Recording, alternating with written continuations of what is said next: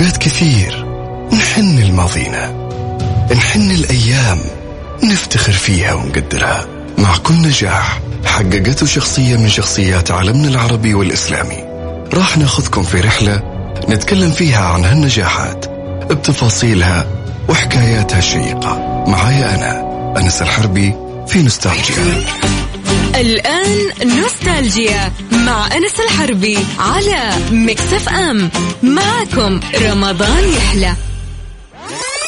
نوستالجيا برعاية إكسترا.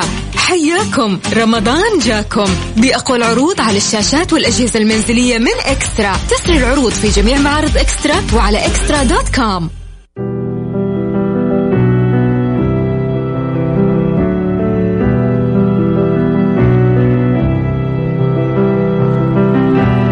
مساكم وأهلا وسهلا فيكم في نوستالجيا في حلقة جديدة وكالعادة شخصية جديدة وسيرة جديدة نسولف فيها وندردش ناخذ جوانب من حياته والإنجازات والأشياء اللي سواها. طبعا اليوم 15 رمضان انتصف الشهر فالله يتقبل منا ومنكم يا رب العبادات والطاعات وصالح الأعمال. اليوم عندنا شخصية ممكن كثير منكم سمعها أو سمع اسمها. هو اليوم أبو عبد الله محمد ابن بطوطة. أحد علماء المسلمين والرحالة المغربيين وهو معروف بكتاب. يا جماعة لا تفوتون الكتاب أبدا بعيده أكثر من مرة في الحلقة اللي هو تحفة النظار في غرائب الأمصار. وعجائب الأسفار. هالكتاب ابن بطوطة حط كل سفراته والأشياء اللي شافها حول العالم؟ آه، في سفرات اللي جدا كثير. آه، جدا ممتع الكتاب. لا تفوتونه أبدا كمل القصة. استمرت رحلة أو رحلات ابن بطوطة حوالي ثلاثين سنة وغطت رحلاته تقريبا العالم الإسلامي المعروف كله. وخارج العالم الإسلامي.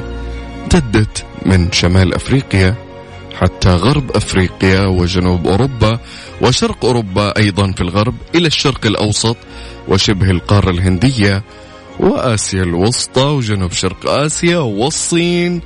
وهالمسافة تفوق ما يعني أشياء كثير في ذاك الزمان؟ يعني مرة المسافة تعتبر جدا كبيرة آه وكانوا أجداده رحالة يا جماعة أجداد ابن بطوطة لكن هو على قولهم زي اللي يقول لك ضرب الرقم القياسي وتفوق عليهم وعد المسافات اللي آه عدوهم. روح لنشأته وحياته العملية في بداياته. هو أبو عبد الله محمد ابن بطوطة ولد في طنجة في المغرب آه سنة 1304 في عهد الدولة الميرينية كان معروف باسم شمس الدين. كانت آه، عائلته من أصل أمازيغي. وكان عندهم تقليد أو عادة أن يقوموا بالخدمة كقضاء يعني عندهم هالمهنة متوارثة. كان هذا في العائلة عندهم. خلاص أنت الولد الأول أو الثاني أنت قاضي. لازم في كل عائلة آه، يوجد قاضي.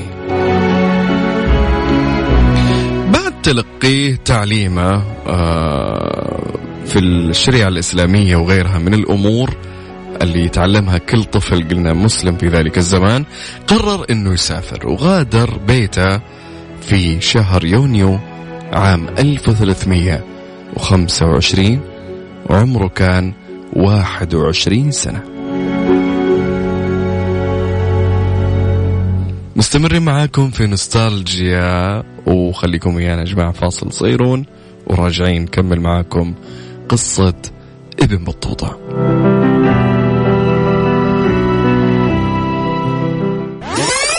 نوستالجيا برعاية إكسترا. حياكم. رمضان جاكم. بأقوى العروض على الشاشات والأجهزة المنزلية من إكسترا. تسري العروض في جميع معارض إكسترا وعلى إكسترا دوت كوم.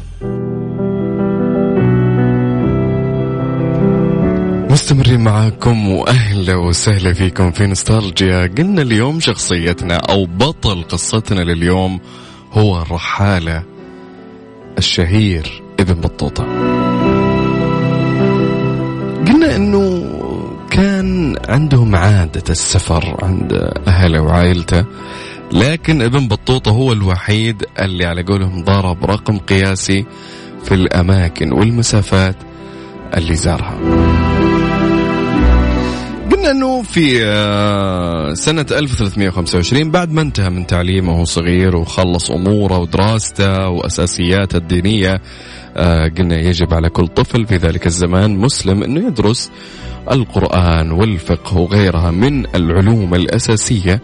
بعدها آه، لا كبر على قولهم يبي يروح يشوف له ديرة يبي يتعلم أشياء أخرى براحته. عند سن 21 سنة انطلق من مدينة ميلادة اللي هي المكان اللي كان فيه في المغرب العربي إلى الحج في مكة المكرمة. وما كان يتوقع إنه هالروحة ما عاد بيرجع بعدها لبلاده إلا بعد ثلاثين سنة. ثلاثين سنة.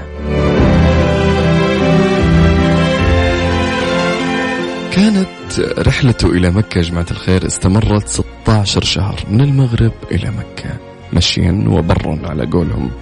ما كان في الراحة اللي هاليومين. الله يديمها يا رب نعمة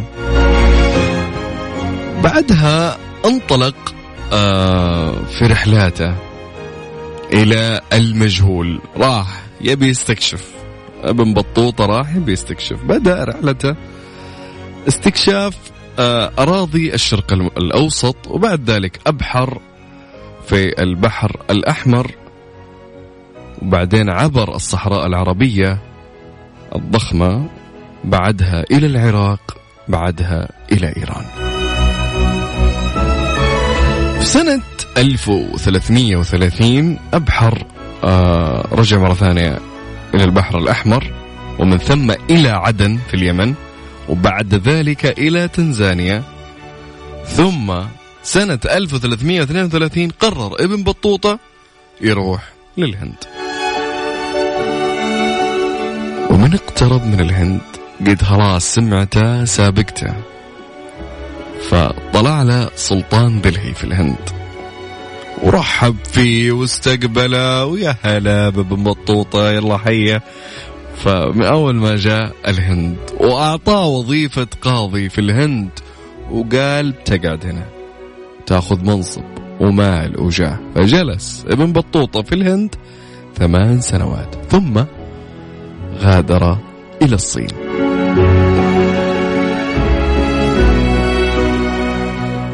ابن بطوطة غالبا ما يستقر في أي دولة أو أي مكان يروح له.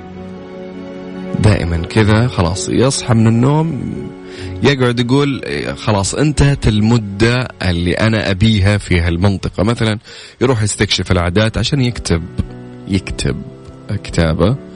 فيروح يستكشف العادات يشوف الأشياء الغريبة يشوف الثقافات يشوف الناس إيش قاعد تسوي كيف طريقة أكلها كيف طريقة معيشتها كيف. فيقعد يسجل كل هالأشياء. على المنطقة اللي راح لها ولا انتهى ولا خلص يطلع.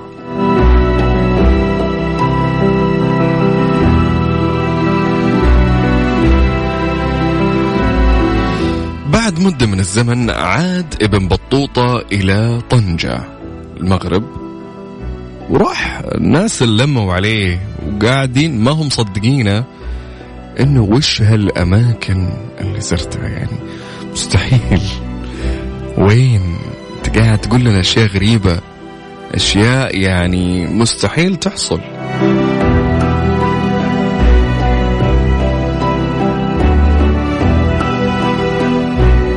كمان لفقوا عليه انه قاعد يأخذ من معلومات الرحاله السابقين. قال لا لا مستحيل يعني إنك شفت هذه هالاشياء ذي كلها فالناس راحوا على قولهم تعرف يعني الناس يا رجال هذا ما عنده سالفة. في بعض الناس زي كذا حرفيا يعني مهما قلت له أنا سويت أنا أنجزت أنا حطيت أنا سويت إنجاز يا رجال أنت مقلد غيرك أو أنك زارفها. لكن أب ابن بطوطة لو أنه الآن ما أنصف التاريخ وكان أسطورة في الاستكشاف والرحلات ما كان أنا الحين قاعد أسولف لكم عنه. ابن بطوطة غالبا كان يعاني من صدمة ثقافية دائما. يروح كل منطقة يزورها يشوف تقاليد غير اللي يعني التقاليد الإسلامية والعربية وغيرها من التقاليد اللي تربى عليها. فيقول مني رحت عند الأتراك والمغول شفت إنهم يتصرفون تصرفات غريبة. يقول إن النساء في عند الأتراك والمغول لهم سطوة أكثر من الرجال. فهذا الشيء أنا استغربته جدا. يقول ابن بطوطة. يقول كمان حسيت إنه في عادات الملابس في جزر المالديف غريبة جدا وغير ساترة ابدا. وبعض المناطق أيضا في جنوب الصحراء الكبرى في أفريقيا كانت كاشفة للجسم فكانوا لا يتسترون بالطريقة المعتادة اللي إحنا تعودنا عليها.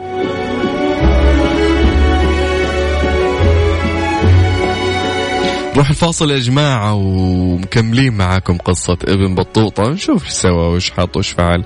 أغلب حكاية ابن بطوطة يعني أكثر الأماكن اللي حبها هي جزر المالديف.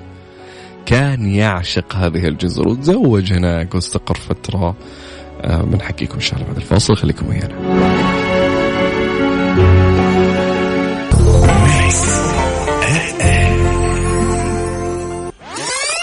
نوستالجيا برعاية إكسترا. حياكم. رمضان جاكم. بأقوى العروض على الشاشات والأجهزة المنزلية من إكسترا. تسري العروض في جميع معارض إكسترا وعلى إكسترا دوت كوم.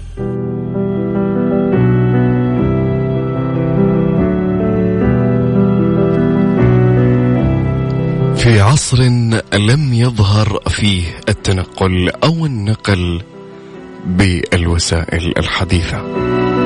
قرر ابن بطوطة القيام بأطول رحلة في العالم. لم يسبقه أحد إليها في عصره أو في ذلك الزمان. ليؤرخ للعالم عادات وتقاليد البلاد في ذلك العصر. أهم المعالم الفنون ثقافة الشعوب. واستعرضنا معكم كذا رحلة لابن بطوطة. وفين راح وفين جاء وفين امتداداته؟ بدأ قلنا ابن بطوطة رحلة استمرت قرابة الثلاثين سنة. بدأت من مكة كانت النية حج. فما رجع لديارة إلا بعد قرابة الثلاثين سنة. من اللف والاستكشاف والمغامرات والأشياء الجميلة. يعني ما هي جميلة في وقتها لكن من نحكيها أو من نسولف عنها نحس إنها ممتعة. لكن ترى شاقة ومتعبة جدا.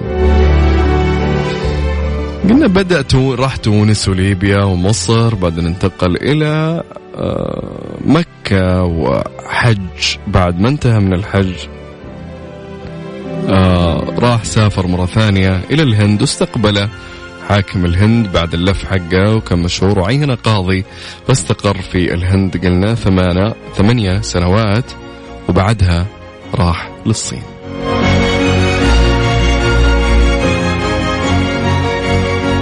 جلس في الصين هناك في منطقة بكين حاليا قاعد فيها فترة من الزمن يعني أشهر يعني ما ما طول فيها كثير. لأنه يقول لك كانت رحلته آه إلى الصين من أكثر الرحلات الشاقة اللي مر فيها. لأنه تعرضت القافلة اللي كان ينضم فيها ابن بطوطة اللي كانت متوجهة إلى الصين إلى هجوم كبير من بعض العصابات مما تسبب هالشيء في تشتيت القافلة لكنه استطاع بعد ذلك إنه يلحق فيهم وينضم إلى قافلة أخرى. وكمان في ذاك الوقت في رحلة للصين غرقت إحدى السفن اللي كان طالع فيها ابن بطوطة إثر عاصفة قوية. يعني تهجول هجولة. الله يحشوه طريقة آه مر بعد ما انت لف في الصين وذا راح في طريقة حصل جزر. اللي هي جزر المالديف حاليا. جزر المالديف هذه جلس فيها ثلاث سنوات. تزوج فيها. وكان يكتب آه كتب عن المالديف إنه النساء هناك ما يستترون ابدا. يعني إنه بنات المكان سابقا قبل دخول الإسلام فيه كانوا لا يتسترون ابدا. مجرد خرقة توضع في وسط الجسم والباقي لا ما كانوا يلبسون حاجة. وراح هناك ومنصدم يا جماعة الخير تستروا. يا عارفين يا جماعة لبس آه، طرزان اللي تشوفونه يعني زمان اللي يتفرج افلام كرتون. طرزان شخصية أو كاركتر طرزان. كانوا زي كذا أهل المالديف جميعا. فحاول إنه يا جماعة الخير تستروا يهديكم يرضيكم ما حد يعني سمع له أبدا. لين في يوم من الأيام دخل الإسلام.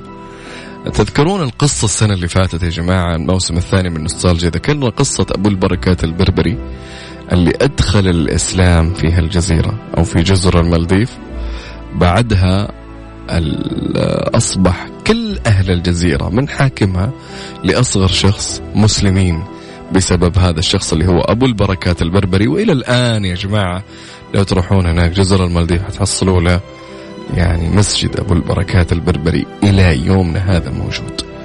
نرجع لابن بطوطة. تولى ابن بطوطة القضاء في جزر المالديف لمدة سنة ونص. بعدها ذهب إلى جزيرة سومطرة لحضور عرس ولي عهدها الملك الظاهر.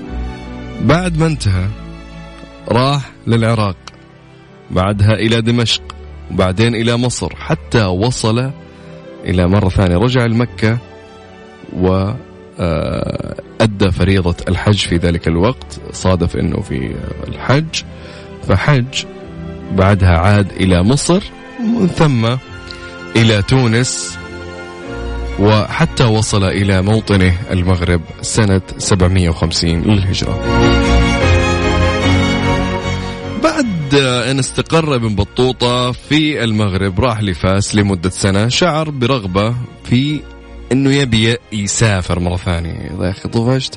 اللي تعود على السفر يا جماعة ترى يعني تبي تذبحه؟ قل له ما في سفرة ما في خروج ما في رحلات. الناس الرحالة يا جماعة ترى ما يحبون القعدة في مكان واحد أبدا يقتلهم الروتين. فابن بطوطة كان ما يجلس في مكان أكثر من كم سنة إلا إذا ارتبط قلنا بوظيفة أو مهام من ملك الدولة أو غيرها يقعد فيها فترة ثم خلاص يعني ابن حلال شكرا. يقعد يكتب العادات الأشياء وإيش اللي تعلم وما تعلم ويمشي يشرد. آه وغالب أسفاره ما يطول مثلا شهر شهرين إلى سنة فقط عشان يستكشف ويشوف إيش فيه ويسجل.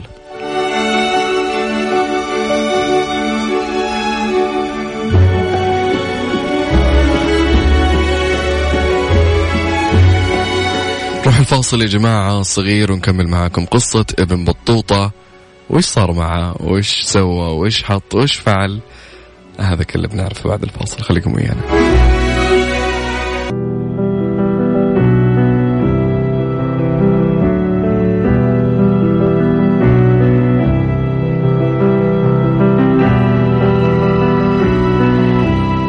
مستمرين معاكم وأهلا وسهلا فيكم في نوستالجيا. اليوم تكلمنا عن أشهر الجغرافيين والرحالة اللي لا يزال الجدل حولهم حتى يومنا هذا اللي هو ابن بطوطة. وهو كما يقول المؤرخ والمستشرق الروسي إغناطيوس كراتشو كفسكي مهما اختلفت الآراء في ابن بطوطة فإن من المستحيل إنكار أنه كان آخر جغرافي عالمي من الناحية العلمية. أي أنه لم يكن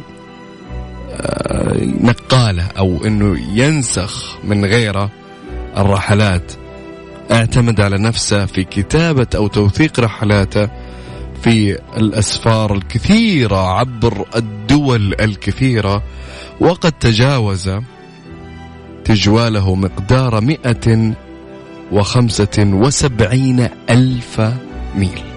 مية وخمسة وسبعين ألف ميل. اضربوها حولوها الكيلومتر. شوفوا كم تطلع.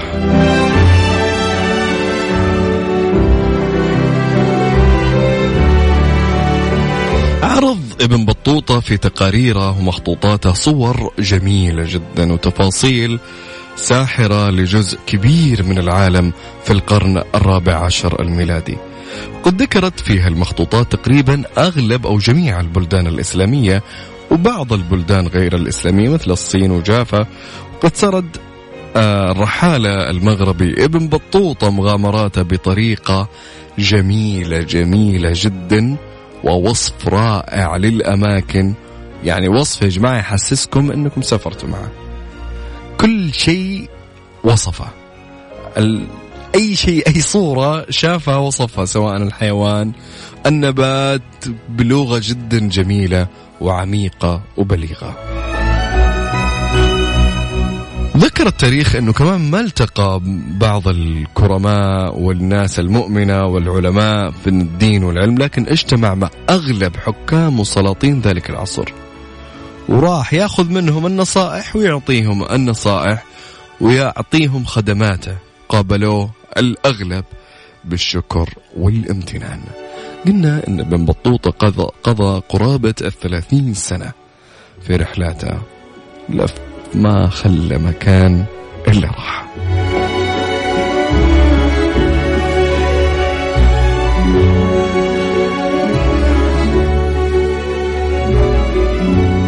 ابن بطوطة بعد اكتمال آه، رحلته وإصدار كتابه في عام 1368 توفي رحمة الله عليه. في ذلك التوقيت بعد ما أصدر كتاب اسمه رحلة ابن بطوطة أو تحفة النظار في غرائب الأمصار وعجائب الأسفار. هالكتاب يا جماعة أنصحكم فيه. اللي بيستمتع بوصف مثلا آه، بالوصف القديم آه، للعادات والشعوب القديمة مادة ثرية جدا جدا. مثلا يقول لك تاريخ مثلا دمشق تاريخ مصر السودان تاريخ تنزانيا تاريخ الصين جزر المالديف وغيرها العراق. كل التاريخ القديم بالعادات بالتوصيفات. بكل اللي تبونه تحصلونه في الكتاب جدا ممتع. موجود في أغلب المكتبات ومترجم لأكثر من لغة. الإنجليزية والفرنسية والألمانية وغيرها من اللغات. فأنصحكم في هالكتاب. دائما أقول أنا في آخر حلقة وفي كل حلقة إحنا فخورين بهالماضي الجميل. عشان كذا إحنا نقعد نعيش معاكم حالة نوستالجيا. نتفكر ونحن لهالماضي الحلو. نتذكر الأشياء هذه. يعني القصص حاجة جميلة جدا جدا جميلة محفزة. إنه الجيل يتقدم وكل جيل يتقدم على الجيل اللي سبقه. الآن الحمد لله إحنا في راحة. اللهم لك الحمد. والله يجعلها دائم يا رب. إحنا جيلنا ولد في راحه ما في شقاء كثير ما في. اللهم لك الحمد كل شيء متوفر. اللهم أدمها نعمة يا رب. ودائما أقول اصنعوا التاريخ لمن بعدكم. خلي الجيل القادم يتحدث عنك. خلي واحد في يوم من الأيام بعد خمسين ستين مية سنة يجي مكاني هنا يقول سلام فلان الفلاني. صنع وصنع وصنع. اكتب اسمك في التاريخ. لا تموت كذا بدون ولا شيء إنسان سادة خليك يعني أحفر اسمك في التاريخ وقول أنا موجود. أنا فعلت أنا صنعت أنا حطيت. ترى مو بصعب ابدا. إحنا الآن في أسهل ممكن عصر ممكن العصور القادمة أسهل وأسرع لكن إحنا عصرنا جدا سهل كل شيء متوفر. لكن على قولهم بعض الأشخاص على قولهم بحل الكسل أو كثر الراحة ما عاد يقدر يسوي شيء. أو ما يبي خلاص يبي يعيش كذا ويموت كذا. فيعطيكم العافية. انتهت قصتنا لليوم. كان معنا ابن بطوطة. آه رحمة الله عليه. رحالة جدا جميلة. أخذنا أهم المقتطفات. للأسف يعني التاريخ ما حط قصص كثير. حاولت أني أنبش أو أطلع كذا قصة أو كذا شيء. ما حصلت كثير. لكن غالبا تحصلونها في كتابة رحلة ابن بطوطة وتحفة النظار في عجائب أو غرائب الأمصار وعجائب الأسفار. تحصلون قصصه اللي هو وصف للأماكن اللي زارها. فسبحانك اللهم وبحمدك أشهد أن لا إله إلا أنت أستغفرك وأتوب إليك وصوما مقبولا وإفطارا شهيا. كنت معكم أنا أخوكم أنس الحربي نشوفكم إن شاء الله بكرة في حلقة جديدة من نستالجيا في أمان الله.